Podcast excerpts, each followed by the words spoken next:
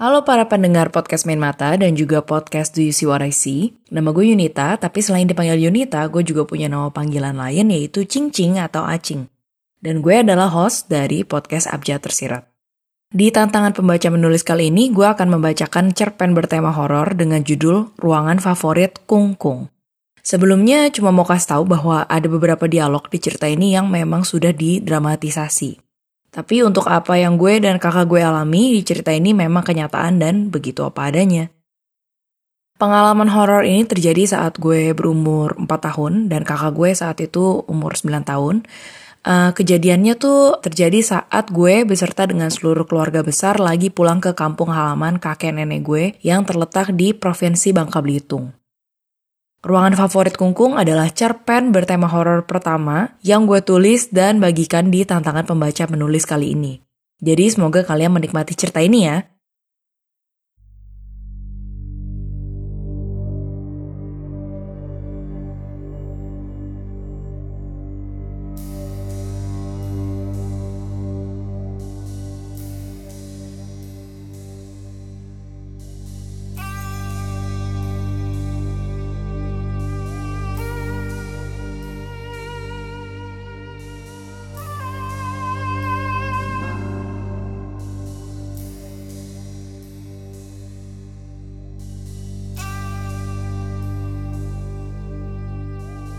Cing, bangun, temenin gue yuk ke belakang. Pinta koko gue sambil ngegoyang-goyangin lengan gue. Gue yang masih setengah sadar pelan-pelan berjalan keluar sambil ngucuk-ngucuk mata.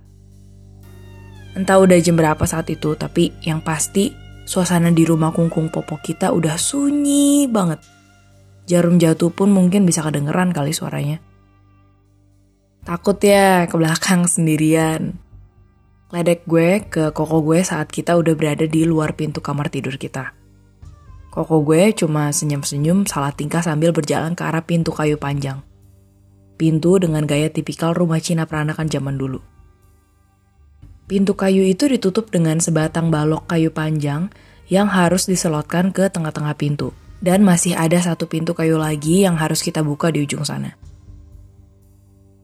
Pintu-pintu kayu di rumah tua berbentuk L ini menjadi pembatas bagi ruang satu ke ruang dua dan ruang dua ke ruang yang ketiga. Ruangan pertama adalah ruang utama yang terdiri dari dua kamar tidur. Tapi di depan kamar tidur terletak satu ranjang yang menjadi tempat tidur siang kungkung gue. Nyokap gue sih cerita kalau dulu sepulang dari kungkung gue kerja, dia pasti langsung taruh barang-barang kerjanya dia dan langsung rebahan di ranjang yang ada di luar ini. Nah, di sebelah ranjang tempat tidur siang itu terdapat cermin panjang yang biasanya dipakai untuk ngaca sama kungkung, popo, om, tante gue, atau ya siapa pun lah yang ada di rumah. Maklum, cermin untuk bersolek di rumah ini cuma sedikit, dan cuma cermin ini yang paling bagus untuk bisa melihat penampilan kita dari ujung rambut sampai ke ujung kaki. Selain itu, di ruangan ini juga ada satu meja kotak kecil dan dua kursi kayu yang terletak di sebelah jendela. Ya, itu sebenarnya meja serbaguna sih. Seringnya meja itu dipakai sama Popo dan Kungkung gue untuk duduk santai sambil memandang pemandangan yang hijau di depan jendela. Nah, coba bayangin ya, pejemin mata kalian di tempat itu kita bisa menikmati angin bersih dari pepohonan hutan sekitar sambil dengerin alunan lagu dari radio. Lalu menyeruput segelas kopi susu sambil ngunyah berbagai cemilan khas Bangka Belitung. Emang paling enak santai-santai sore di tempat kayak gini. Bisa dibilang bukan cuma Popo kungkung gue aja yang menikmati ruangan ini. Gua pun juga suka karena ini adalah ruangan yang paling berasa aura nyamannya. Kalau ruangan lainnya, gue sama sekali gak suka. Apalagi untuk ruangan terakhir, yaitu tempat di mana kamar mandi berada. Cing, sini jalan deketan sama gue. Ntar gak lucu. Lu tuh so tau jalan sendiri. Terus malah gak sengaja nendang kualinya Popo kayak waktu itu. Sial loh. Saat itu kita berdua berusaha untuk tetap menjaga suasana obrolan kita tetap lucu. Karena jujur, di ruangan kedua ini auranya nggak lucu sama sekali. Ruangan kedua adalah ruangan yang paling panjang karena Di sini ada berbagai macam peralatan masak, juga lemari kayu tua untuk menyimpan berbagai macam peralatan makan. Dan rumah ini dulunya dihuni bukan cuma sama kungkung dan popo gue aja, tapi juga beserta dengan kedua belas anaknya yang bongsor-bongsor itu. Kebayangkan perlu berapa banyak peralatan tempur di dapur yang harus tersedia di rumah ini. Yang paling gue gak suka dari ruangan kedua ini adalah ruangan ini minim pencahayaan. Malah inget gue, ruangan ini tuh nggak ada lampu sama sekali. Jadi cahaya yang bisa kita dapat di ruangan ini kalau udah menjelang malam ya cuma dari lampu di ruangan pertama. Perjalanan dari ruang kedua ke ruangan yang ketiga paling cuma membutuhkan 20 detik. Tapi entah kenapa perjalanan gue sama koko gue di malam itu terasa kayak lama banget. Mungkin karena campuran antara rasa nggak nyaman yang selalu muncul di ruangan itu dan rasa gak nyaman yang sebentar lagi akan berubah jadi horor saat kita menghadapi ruangan yang ketiga, tempat di mana kamar mandi berada. Cing, boleh kali bantuin gue angkat slot balok kayunya? Berat nih. Pinta kok gue malam itu saat harus ngebuka pintu kayu panjang yang berikutnya. Iya, iya. Beberapa saat kemudian, pintu kayu pun terbuka dan sampailah kita di tempat tujuan. Koko gue langsung cepat-cepat pergi ke kamar mandi. Tapi akhirnya gue tarik lengannya untuk menyampaikan sebuah pesan penting. Kok, lu jangan kelamaan ya di WC. Gak usah pakai acara berak segala lah.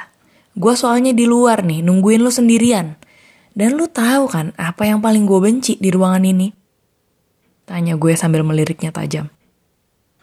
Iya gue tahu. Nah, lu juga jalanin tugas lu sebaik-baiknya. Tungguin gue di ruangan ini ya. Gue tuh cuma sebentar.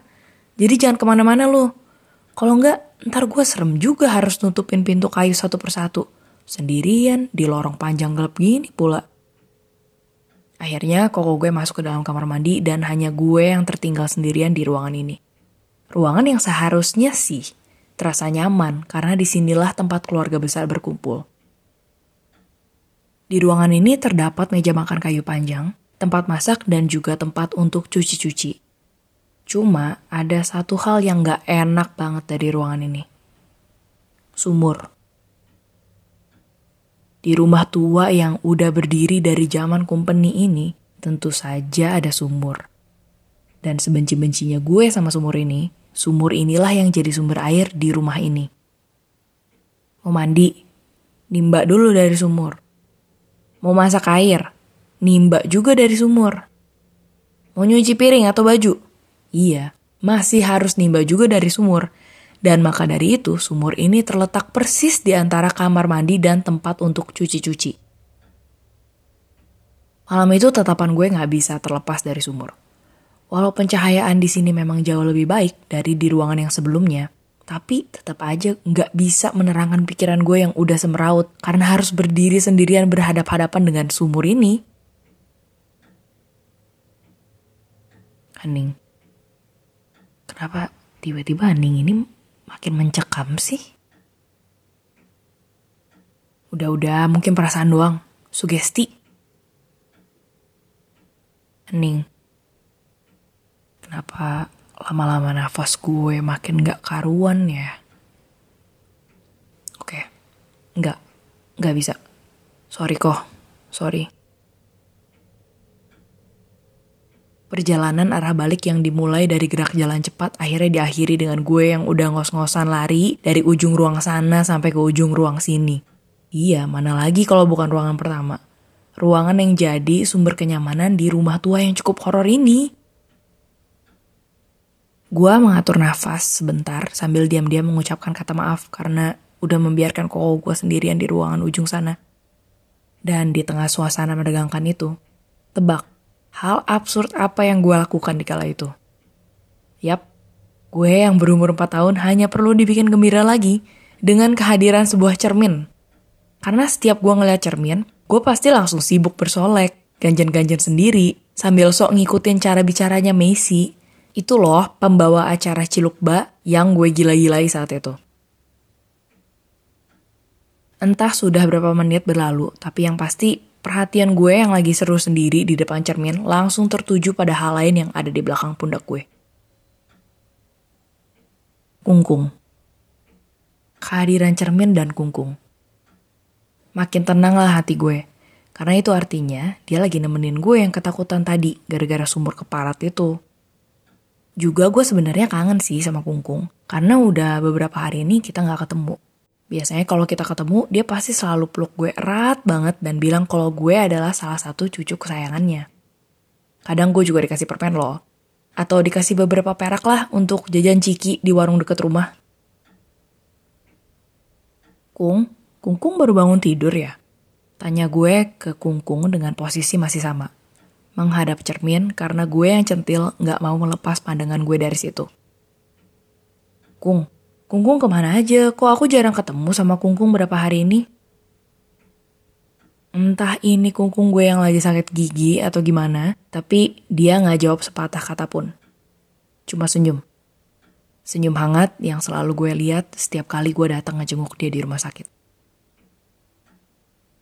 Walau nggak ada jawaban, gue masih terus ajakin ngomong Kungkung gue di depan cermin. Karena gue bener-bener senang banget bisa ketemu dia lagi. Sampai akhirnya momen indah itu terinterupsi dong oleh kehadiran koko gue yang muncul sambil ngos-ngosan lalu nggak lama keluarlah perkataan yang ketebak dari mulut dia. Kok lu ninggalin gue sih? Gila lu gue tadi tuh sampai lari kabur ke sini dan biarin pintu kayu kebuka gitu aja semuanya. Besok nih gue pasti dimarahin bukan cuma sama Popo, tapi sama Mama juga tau nggak? Mata gue yang tadi terpaku di cermin sambil ngeliatin gungkung, akhirnya berpindah ke arah belakang cerpen, tempat di mana koko gue berada dan akhirnya gue pun menjawab. Ya maaf kok, soalnya tadi gue tuh takut banget. Nggak tahan gue sendirian di situ sambil berhadap-hadapan sama sumur. Jadi ya gue ke sini lah. Lagian di sini juga enak. Ada kungkung loh yang nemenin. Saat itu gue masih umur 4 tahun, tapi gue ingat jelas muka koko gue saat mendengar jawaban gue malam itu. Kungkung. Kungkung siapa? Tanya koko gue dengan muka yang sangat shock dan lama-kelamaan mukanya berubah jadi makin pucat. Ya, Kungkung. Kungkung item lah yang punya rumah ini. Siapa lagi coba? Cing, jangan bercanda lu. Lu lihat Kungkung di mana? Ini di sini nih lagi ada di depan cermin juga kok bareng sama gue. Dan di saat itu gue masih belum juga menoleh ke belakang. Gue masih tetap berhadapan dengan cermin dan saat gue menjawab pertanyaan itu pun, kungkung gue masih tetap memberikan senyuman hangatnya ke gue. Koko gue jalan perlahan-lahan ke arah gue, gak terlalu berani mendekat dan mencoba jaga jarak yang tepat. Dan dengan muka yang makin ketakutan, dia cuma bilang, Cing, lu pikir ini kita pulang ke Bangka ngapain? Bukan buat jalan-jalan kali. Tapi kita semua tuh sekarang satu keluarga besar lagi datang ke sini rame-rame kan buat besok, Cing. Besok kan kita nguburin kungkung item. Kungkung tuh udah meninggal. Gue cuma bisa diam terpaku saat mendengar jawaban itu. Mungkin memang gue masih terlalu kecil untuk mengerti salah satu konsep kehidupan yang satu ini. Meninggal. Tapi gue tahu satu yang pasti saat itu. Sedih. Karena saat gue menoleh ke mana pun, kungkung gue udah nggak ada lagi di ruangan itu. Senyuman hangatnya lenyap Dadi yang tersisa hanya keheningan beku yang bisa gue dan koko gue rasain di tengah ruangan itu. Ruangan yang sampai maut menjemput pun ternyata masih tetap menjadi ruangan favorit kungkung gue. Kungkung yang ternyata jam 7 besok pagi akan segera dikubur.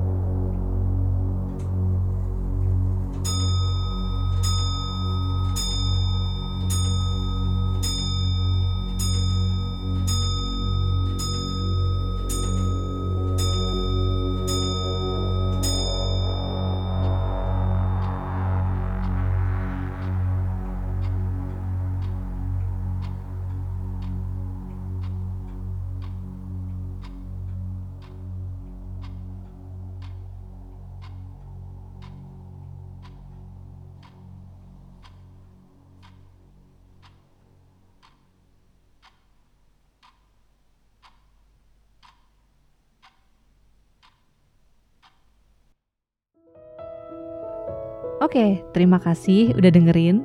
Jangan lupa juga dengerin cerita pendek tema horor lainnya yang merupakan kolaborasi antara podcast Main Mata dan podcast Do You See What I See.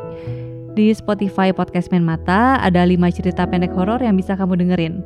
Ada yang judulnya Talitasi, itu ditulis oleh Arnelis. Ada juga Sis by the Window, ditulis oleh Angelica Vermariska. Kemudian ada Panggone Demit, ditulis oleh Riz Megawarna. Lalu ada Rumah Taman Kanak-Kanak ditulis oleh Nuansa Diana Bila dan terakhir pastinya ada juga cerpen yang dibacakan oleh Mr. Popo. Judulnya Mobil Bekas. Ini ditulis oleh Bayu, pendengar setia podcast di Waraisi. Itu aja episode kali ini. Sekali lagi terima kasih udah dengerin. Sampai jumpa.